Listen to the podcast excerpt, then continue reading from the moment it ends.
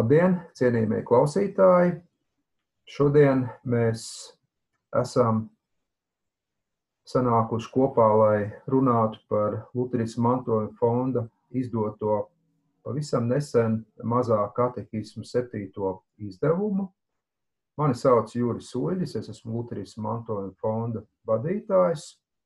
Un šodien ar mani kopā būs arī Voldemārs Lauciņš, kurš ir teoloģijas doktors un Latvijas baznīcas vēstures pasniedzējs Lutera akadēmijā. Sveicināts, Voldemār! Labdien, Jori!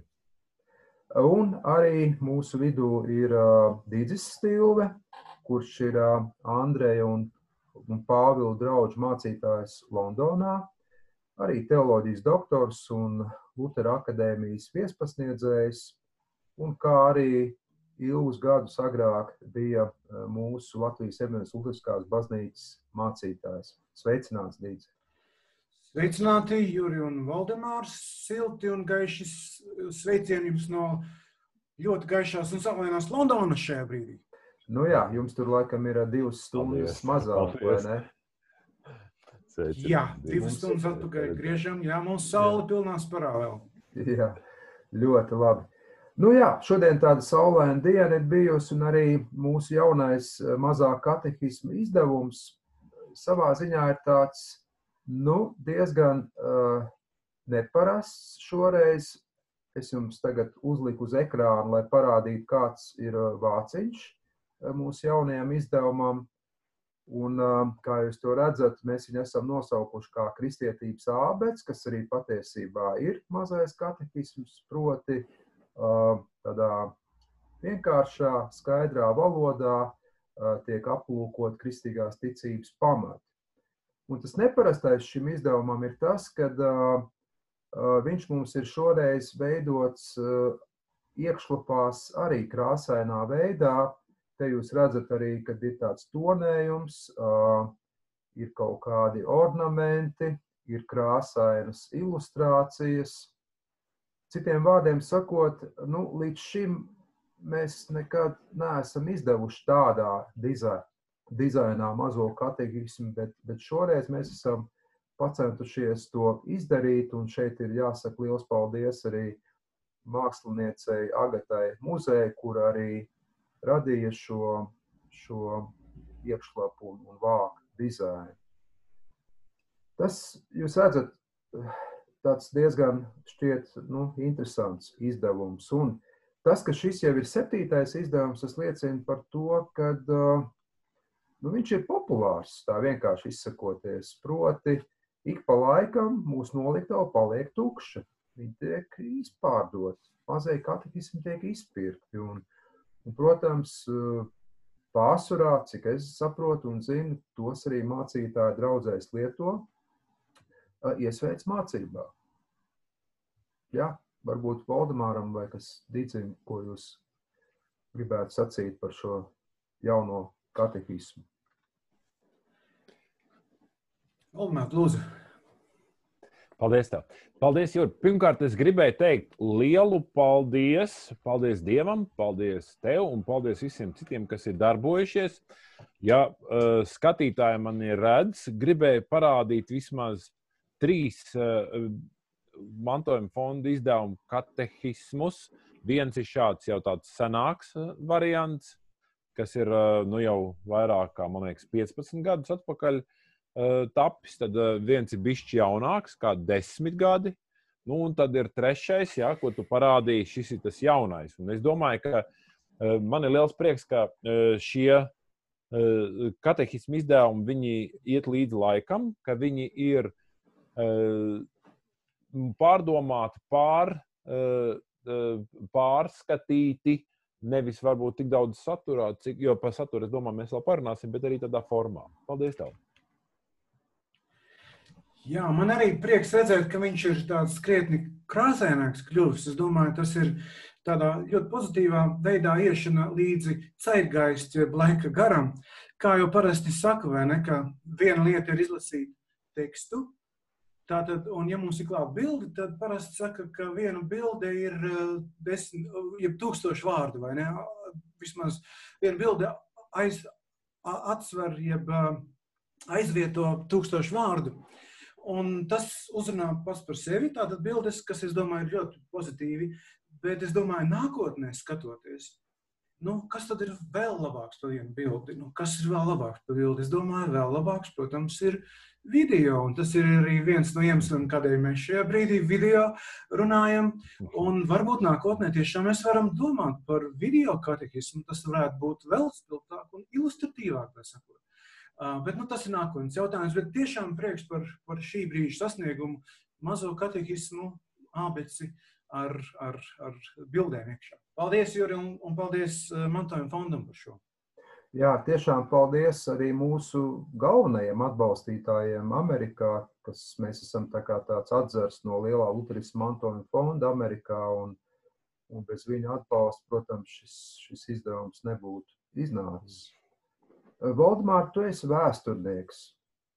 Varbūt tu gribi, vai mēs varam kaut ko parunāt drusciņi pa vēsturi, par, par seno vēsturi, kā tas viss ar to mazo katehismu mūsu tautā ir bijis un gājis.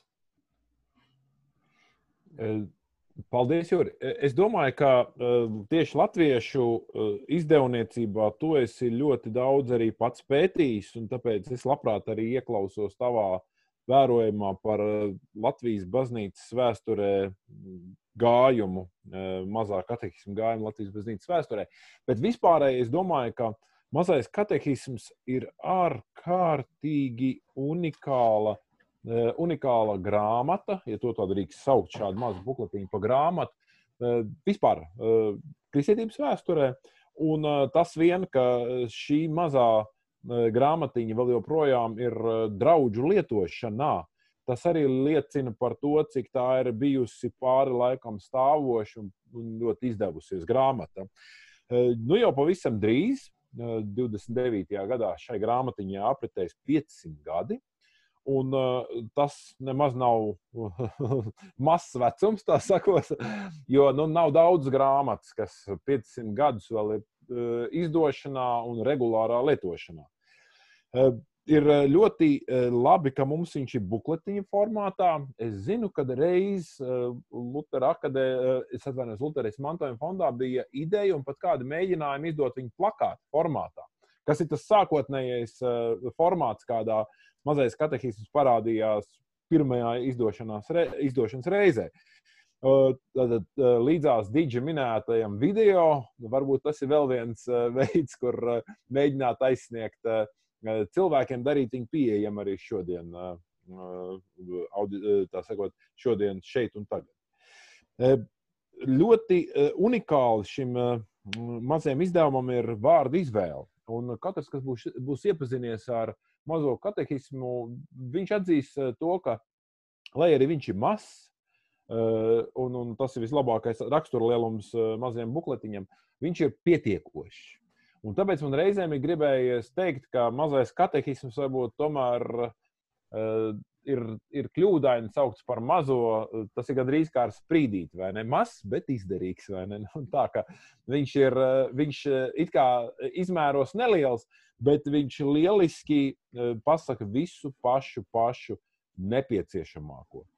Un, nu, viņš gājis cauri vēstures dažādiem likločiem, tomēr ar uzvaras gājienu, es teiktu, tā vārdu vislabākajā nozīmē.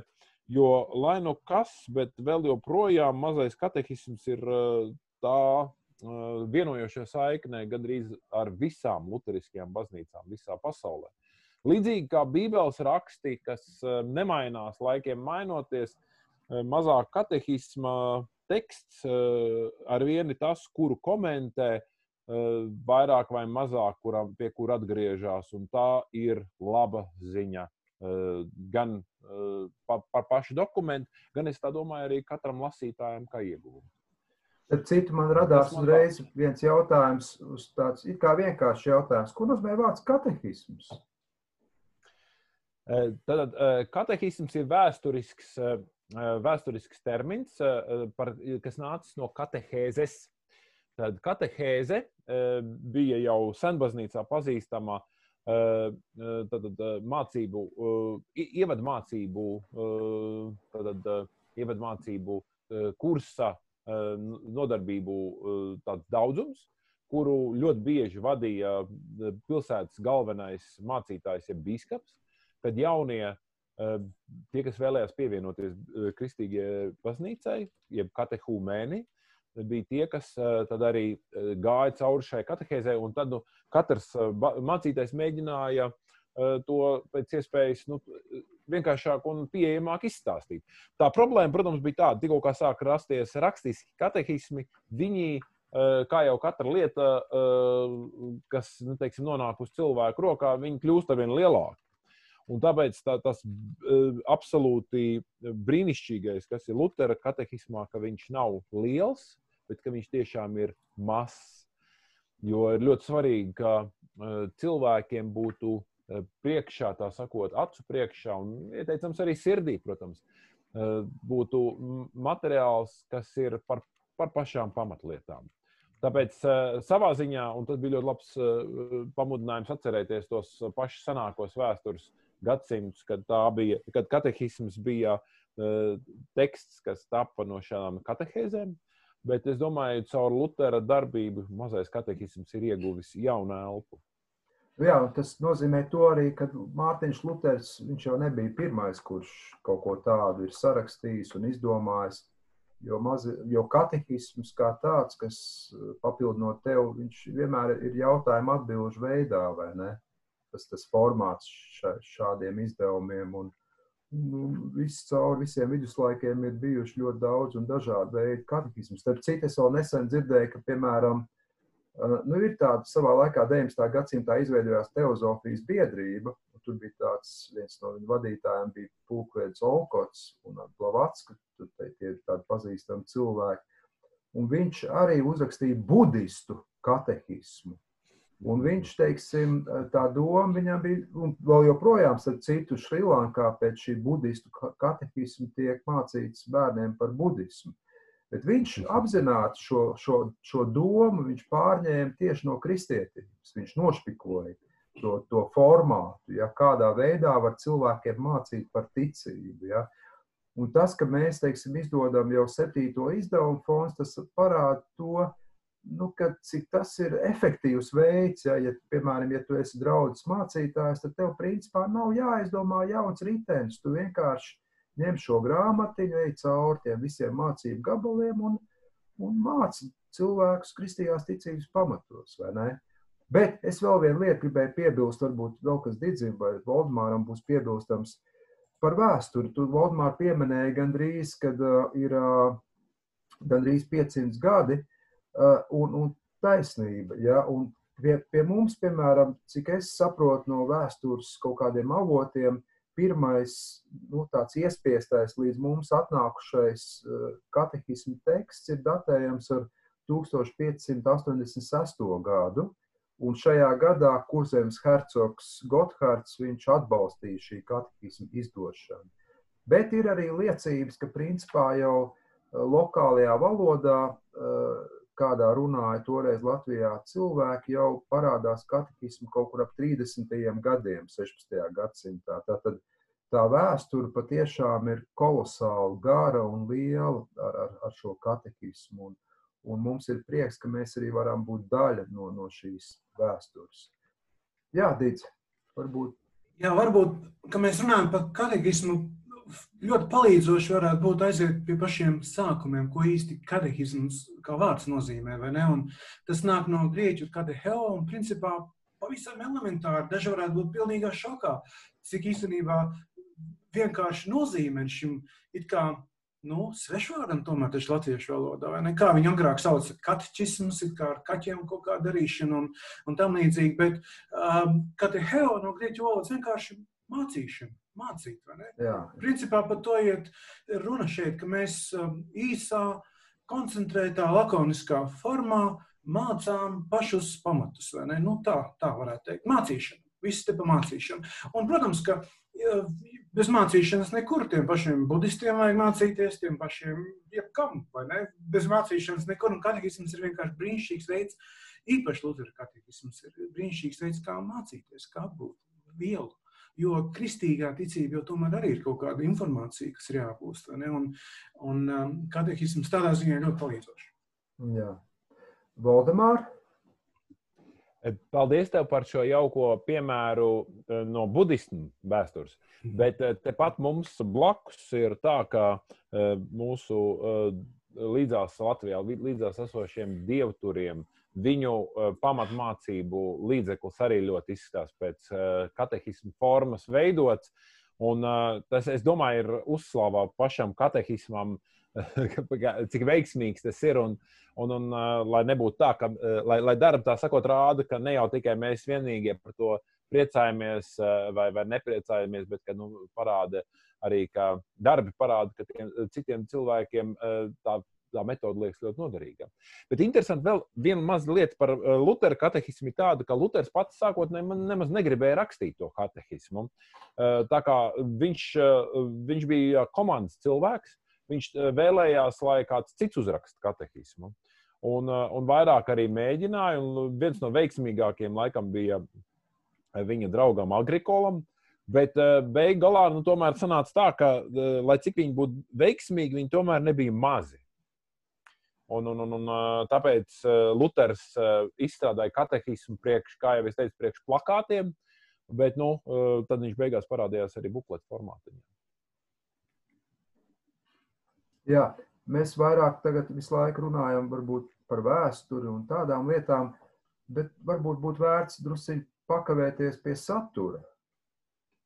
Proti, kas tur īsti iekšā ir tajā grāmatiņā, un varbūt Digis varētu ko sacīt. Jā, nu, pēc uh, tava ierosinājuma es tā kā mazliet sagatavojos tādām trīs vislabākajām lietām par mazo katehismu. Un, protams, kā, kā mācītājs neizbēgami es esmu lietojis uh, visus savus, um, cik 22, 23 ordinācijas gadi, visus savus kalpošanas gadus neizbēgami katehisms vienmēr ir bijis kopā ar, ar, ar mani. Un tagad arī esot Anglijā, Londonā, šeit es arī atrodu, ka tas ir brīnišķīgs veids, palīgs, kā cilvēkiem kristīgo ticību mācīt. Un tad pirmā tā lieta, ko es gribēju teikt par tieši par mazo katehismu, ir, ir tas, ka, protams, viņš ir iespējami īss, kā to Valdemārs ļoti pareizi pateica, iespējami īss izklāsts, kristīgās mācības izklāsts jautājumu un atbilžu formā. Un tas ir īpaši noderīgi šeit, Londonā, to piedzīvot uz katra soļa. Cilvēkiem lielākoties tas dzīves ritms un dinamisms ir, ir, ir neticami dažkārt. Šķiet, protams, tagad ar to vīrusu apstājies lielā mērā, bet kopumā.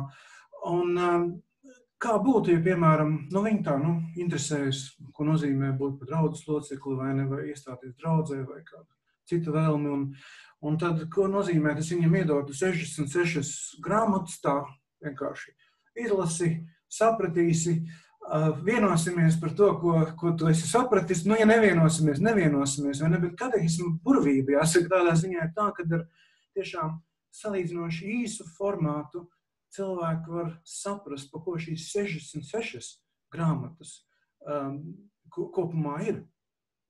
Uh, un um, man vienmēr tas ir fascinējis, un varbūt jūs arī to zinat, brāļi, ka Lutheram kādreiz prasīja, nu kā domā, nu, nu, kur ir tie labākie darbi, kurus tu būtu savā dzīves laikā uzrakstījis, un viņš uzrakstījis neiedomājumu daudzumu ar, ar, ar grāmatām, viņš tieši teica mazais katehisms un par gribas verdzību.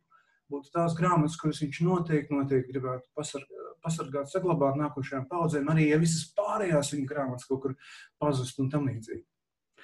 Uh, man, es saprotu, šis ir pirmais izdevums, kurā parādās ābece, kristīgās ticības tātad ABC, un es galīgi nekritizēju tādā veidā to izvēli, bet jautājums varētu būt, nu kā, kāda varētu būt alternatīva tam? Kas vēl varētu atspoguļot katehismu būtību? Nu, ABC ir labs vārds, jā, bet nu kāds vēl vārds mēs varētu lietot? Nu, piemēram, nu, kristīgās ticības summējums, varbūt rezumējums, varbūt koncentrāts, varbūt kāds pat varētu teikt, nu, varbūt pat destilāts kaut kas, un varbūt šie visi varētu būt tādi derīgi apzīmējumi, eh, ko nozīmē mazais skatīsums un par ko tas ir. Bet uz vienu brīdi es gribēju jūs aicināt mazliet pateoretizēt, tā sakot, bet labi, mazais katehisms ir īss formāts tam, tam kas ir Bībele. Var sakot, 66 grāmatas saspiestas kopā apmēram 10 lapas pusēs. Bet vai jūs kādreiz esat domājuši, vai ir, ir vēl kaut kas īsāks iespējams par mazo katehismu? Kā jums liekas, ir kaut kas vēl lakoniskāks, īsāks iespējams? Un es domāju, mums visiem tas būtu labi atcerēties, ka īstenībā, un tādā ziņā Luters, protams, bija pilnīgi oriģināls un unikāls, ka viņš pat vienā teikumā varēja pateikt, par ko vispār visa kristīgā ticība ir. Iedomāsimies, cik nenormāli radikāli, nevis 10, 12 lapas puses viens teikums. To nemaz nav tik vienkārši pateikt vai nodefinēt. Nu, padomājiet, jūs uz brīdiņu, nu, kas būtu, piemēram, viens teikums, uh, ja jums būtu jāprasa, par ko ir kristīgā ticība? Kas uzreiz iešaujas prātā, tā sakot, intuitīvi gandrīz? Kristīgā ticība tagad ir galvenokārt par, un tagad vienu teikumu, Nu, par, ko, par ko jūs domājat, mīļais skatītāju, skatītāju? Nu, kas tas ir? Kā, kāds ir tas vārds, kas nāk uzreiz, tā sakot, ārā prātā, vai ne? Par ko kristīgā ticība ir? Nu, mēs zinām, ka mūsdienās bieži vien apjukuši, jāsaka, teologi varbūt saka, nu, jā, nu, kristīgā ticība, ja man pavisam pieliktu, kā saka, nazi pie, pie kakla un teiktu, pasaki, tad bieži vien spruktu visvā, visvisādi eh, vārdi ārā, un varbūt tā būtu kaut kāda, es nezinu, nu, Bībeli vispār, piemēram, par sanktifikāciju, vai svētāpšanu, vai varbūt par meditāciju, vai kontemplāciju. Varbūt tā ir introspekcija, tā sakot, ieskats sevi un tam līdzīgi.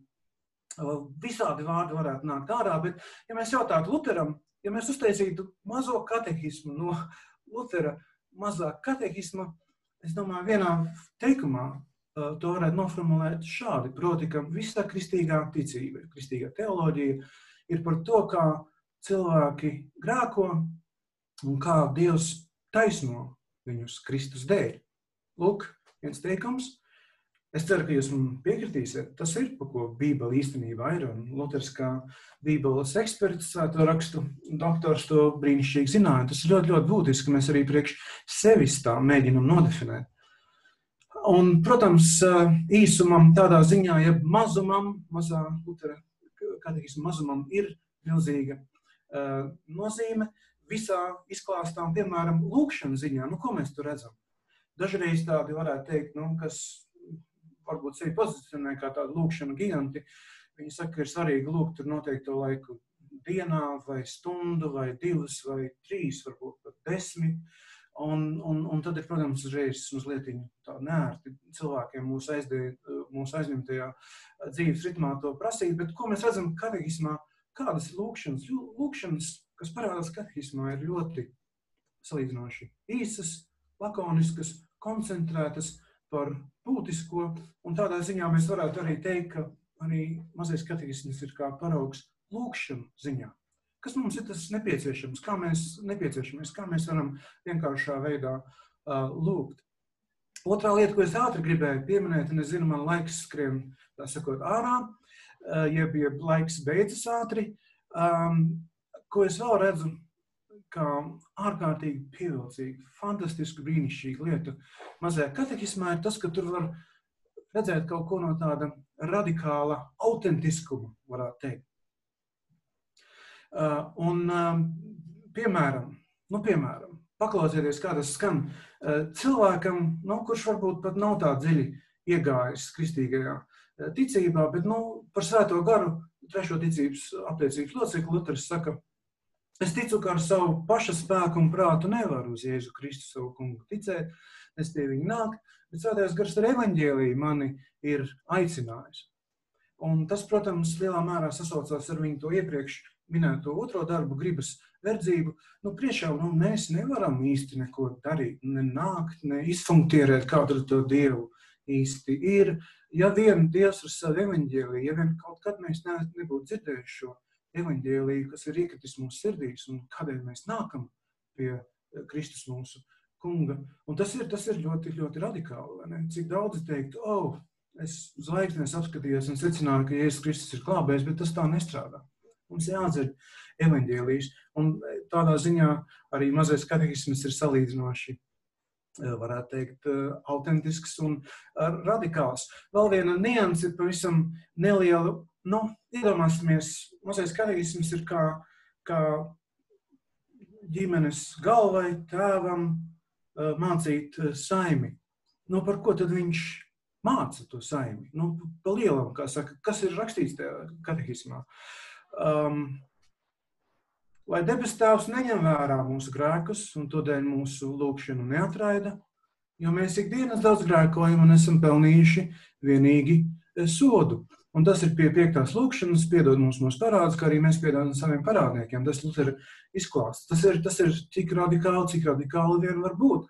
Ģimenes tēvs saviem bērniem saka, ziniet, mēs dienas daudz krākojam, vienu sodu vien esam uh, pelnījuši. Un, protams, atbildi tam, ka mēs krākojam, ir Kristus viņa taisnošana un tam līdzīgi. Un tas, protams, atkal ir atrodams kateģismā un, un, un tam līdzīgi. Vēl viena nianse, ko mēs kateģismā atrodam, ir tāda ārkārtīgi veselīga antropoloģija. Proti, viņš neskatās uz cilvēku tā idealizēti, jeb kā uz tādu supergarīgu uh, būtni. Viņš ļoti labi nosauc lietas īstajā vārdā, kā, kā, kā mēs dzīvojam šajā pasaulē, kā mēs ar sevi cīnāmies, un kas ir īstenībā tā saucamā nesvētā trīsvienība, ar ko mēs visu laiku karojam, vienalga vai, vai gribam vai nē.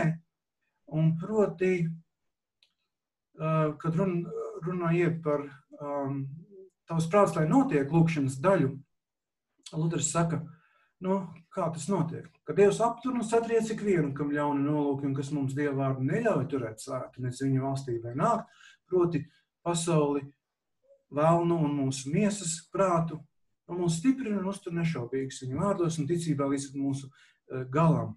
Tā ir viņa žēlastība un labais uh, prāts. Ko ir svarīgi šeit redzēt, ir tiešām, ka nu, mēs paši dažkārt varam iet pret sevi, tā sakot, ko viņš nosauc par miesas prātu. Un tas, protams, ir svētais rakstos, daudzkārt Pāvils runā vēstulē romiešiem un, un daudzas, daudzas citas vietas svētajos rakstos, kur mēs to varam atrast. Ārkārtīgi veselīga antropoloģija, kas arī jāsaka, principā nepieļauj, tā varētu teikt, tādu, nu, modē arī mūsdienās tāds, nu, tāds misticisms, vai ne, ka mēs to kā Dievu tā kā uh, patiešo tā kā varam redzēt, ar viņu kontaktos nāk, nāk un tam līdzīgi. Bet, nu, ja tu pats esi pret sevi, tā sakot, cīnies pats pret sevi, tava miesa cīnās paši pret sevi.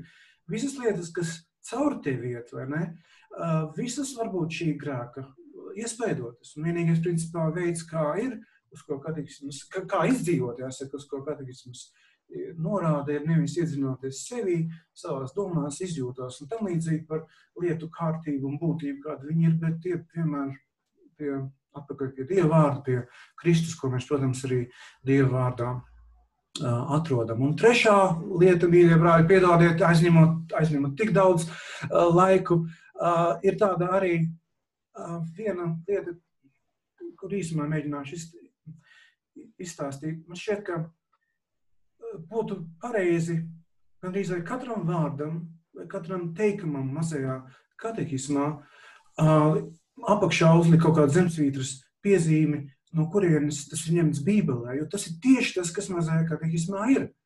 Jebkurš teikums, burtiski tieši tādēļ, ka 66 grāmatas ir saspiestas kopā desmit, jebkurš teikums burtiski ir piesātināts ar, ar, ar Dieva vārdu. Bet, nu, kā izskatītos mazais katehisms, jo tur zemesvītras piezīmes varbūt būtu garākas par pašu uh, katehismu uh, tekstu. Un es minēšu tikai vienu, vienu um, piemēru laika trūkuma, trūkuma dēļ. Un uh, runa šeit iet par, um, nu, par privāto dikti, ko Luters acīm redzot iesaka, atbalsta. Un, un mēs redzam mazajā katehismā to arī. Un tur ir um, padoms, nu, kā tad mums jāsēd, jāsūdz mūsu grēki. Vai kādi grēki mums ir jāizsūdz? Un viņš saka, Dieva priekšā mums jāatzīstas par vainīgiem visos grēkos, arī tajos, ko mēs neapzināmies, kā to darām lūkšanā mūsu tēvs. Bet mācītājiem, ja piktstāvam, mums ir jāizsūdz tikai tie grēki, kurus mēs apzināmies un jūtam savā sirdī. Un tas, protams, nu, tā arī ir zināmā mērā tāda nu, radikāla atombumba, ja tā to varētu nosaukt ir kaut kāda grēka, ko mēs neapzināmies. Hmm. Un mums tie grēki, kurus mēs neapzināmies, tie ir tā kā Dieva priekšā ir jāatzīst, un, un, un mums jājūtas vainīgiem.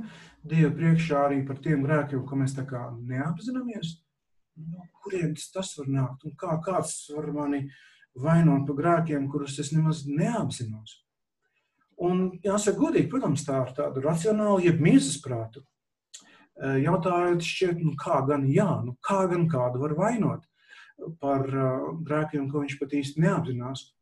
Un mēs to varētu tā mierīgi jautājumu nolikt maliņā, tam nav nekādas loģikas iekšā. Ja vien, ja vien um, svētajos rakstos par to arī netiktu visu laiku runāts. Un, ja būtu kaut kāda zemesvītras piezīmes zem tieši šī padoma, par grēkiem, kurus mēs neapzināmies, tad ko tur varētu minēt? Nu, pirmkārt, jau psalms, 19. psalms, 12. pants, kas gan apzinās savu nomaldīšanos, šķīstīja mani no manām neapzinātām kļūdām, pasargā arī savu kalpu no augstprātības, lepnības grēkiem, ka tie nevalda pār mani, tad es būšu bez vainas un tīrs bez lieliem uh, pārkāpumiem. Un, uh, jā, neapzinātas kļūdas. Un es domāju, tā dziļākā doma šeit ir, ka ja mēs Dievu priekšā nenākam kā vainīgi visos grēkos, arī neapzinātos, tas mūs nevar glābt no augstprātības, kas ir nākošais pants, tajā 19. psalmā, 14. pantā. Un intereses pēc, intereses pēc gatavojoties šo vienkārši aizgāju un apskatījos, nu, ko, ko saka mūsu Lutheriskās baznīcas pamat um, pamatdokuments um, par šo. Un tur es atradu četras atsauces tieši uz šo vienu niansi, kā, kur liekas, nu, ha, nevar īsti izskaidrot. Es tikai nosaukšu viņus, tas būs mājas darbs mūsu skatītājiem, man ir jums, brāļi, varbūt apskatīties, vai tas atbilst vai neatbilst. Uh, bet um, tur runa tāda iet par romiešu vēstuli 7, 23. pants, uh, 143. psalmu 2. pants, pirmā vēstule korintiešiem, 4. nodaļa un 4. pants. Un tur var atrast visu biblisko pamatojumu tieši šim nu, vienam, vienai epizodei, vienam argumentam. Un noslēdzot, kas tā ārkārtīgi labi man, man patika, izlasīju šodien atkal visu katehismu līdz, līdz galam. Luters saka, ka mums, nu jā, mēs apzināmies, ka mēs esam grēkojuši, mēs nākam pie uh, diktstāva, izsūdzam savus uh, grēkus, uh, un viņš arī saka, piemēram, nu jā, varbūt um, dažiem nav tie nekādi uh, smagi grēki, vai ne? Kaut gan tas ir maz ticams, ka, ka kādam arī nebūtu kaut kāda grēka un tam līdzīgi, bet, bet viņam tas brīnišķīgais uh, pastrālais uh, padoms, nu ja kādam ir tāda, tāda lielāka lieta, tad, tad, tad mācītājs nomierinās jūs ar svēto rakstu vārdiem, ar bībeles vārdiem, un, un, tad, jā, un, un tad jūs varēsiet iet mierīgi un pamudinās jūs uz ticību. Mācītājs pamudinās jūs ticību. Un es domāju, ka tas ir rezonējot visu tāds mazāk katehismu, tāda esence un būtība īsos vārdos, kodolīgi, lakoniski, pamudināt mūs uz, uz, uz ticību. Paldies! Paldies par jūsu laiku, mīļie brāļi! Jā, liels paldies tev, Dīdzi, par, par šo tavu plašo skatījumu. Un, uh, es domāju, ka arī gan Valdemāram, gan, gan man būtu kas piebilstams, kas sakāms, jo katehisms patiešām ir ļoti tāds interesants ar to, ka tur ir ļoti daudz vērtīgas lietas. Es no savas puses tikai ātri gribēju piebilst, ka, piemēram, uh, gadiem ejot, arī mainās attieksme, kam tu vairāk pievērs uzmanību katehismā. Vismaz man tā ir bijis. Un, piemēram, pēdējos gados es daudz vairāk novērtēju, piemēram, to saucamo otro pielikumu, kurš runā par kristīgo namturību, kam es kaut kā agrāk tā gandrīz vispār nepievērstam uzmanību. Es runāju par baušļiem, par ticības apliecību, par lūkšanu, par kristību, par vakarēdienu, bet to pielikumu par pa kristīgo namturību nu, kaut kā tā palaidu gar ausīm. garām. Un, un, un tagad es arvien vairāk saprotu, cik tas ir arī svarīga lieta, jo mēs taču zinām no vēstures, ka principā 16. gadsimts ievies tādu ļoti radikālu izmaiņu vispār cilvēku un kristietības domāšanā, proti, tika sagrauts šis dalījums, teiksim, nu, garīgās kārta un laicīgā kārta. Ja? Proti, tādā nozīmē, ka tie, kas dara garīgās lietas, ka tie ir īstenie garīgie, īstie kristieši, un tie, kas dara, teiksim, tās laicīgās lietas, nu, tie ir, nu, nu, ir jau viņi kristieši, bet nu, tādi, nu, nu ne, ne visai. Ja? Un, un no tā arī izaug tā, tā mūku kārtas glorificēšana. Ja? Bet teiksim, šis pielikums parāda to, ka viss ir vajadzīgi dievam. Dieva aicinājumi visi ir labi. Būt par kalpu, būt par bērnu, būt par vīru, būt par sievu, būt par valdnieku, būt par, arī par mācītāju. Visi šie aicinājumi ir ļoti labi, un par to runā arī mazāk attīstīts šis viens no pielikumiem. Bet labi, Valdemār, varbūt tu no savas puses kaut ko gribi vēl piebilst. Jā, paldies. Es domāju, paldies, Digzi, bija ļoti interesanti. Uh, un, un, un uh, es domāju, arī ļoti plašs ieskats, uh, jebkuram ir uh, tagad radies uh, no tiem cilvēkiem, kas varbūt kādreiz nebija, uh, kuriem nav bijuši iespēja uh, pašķirstīt uh, mazo katehismu. Es jāsaka, pats arī krīt kārdinājumam pašķirstīt, ja, sekojot līdz tam stāstījumam. Bet par tām trim lietām, man liekas, paldies, Jurgi, tu ļoti labi arī minēji to, ka jā, mazāk katehisma revolucionārais, tā varētu teikt, vispār kristietībā vārds revolucionārs ir diezgan dīvains, bet reizēm es domāju, mēs to varam atļauties lietot. Revolucionārais solis bija tas, ka mazais katehisms ienesa to kristietības uh, ikdienas dzīvi, kas iepriekš bija praktizēta klosteru dzīvē, viņi ienesa katrā kristīgā namturībā. Un tas ir, tas ir nenovērtējams uh, solis, jo ar vien kristīgajā Eh, pasaulē ir pietiekoši daudz cilvēku, un pat arī veselas, man liekas, kristīgas eh, denominācijas un grupas, kas, kas mēģina nodalīt. Tad ir uh, svētāks uh, sekošanas un, un ir mazāk svētāks.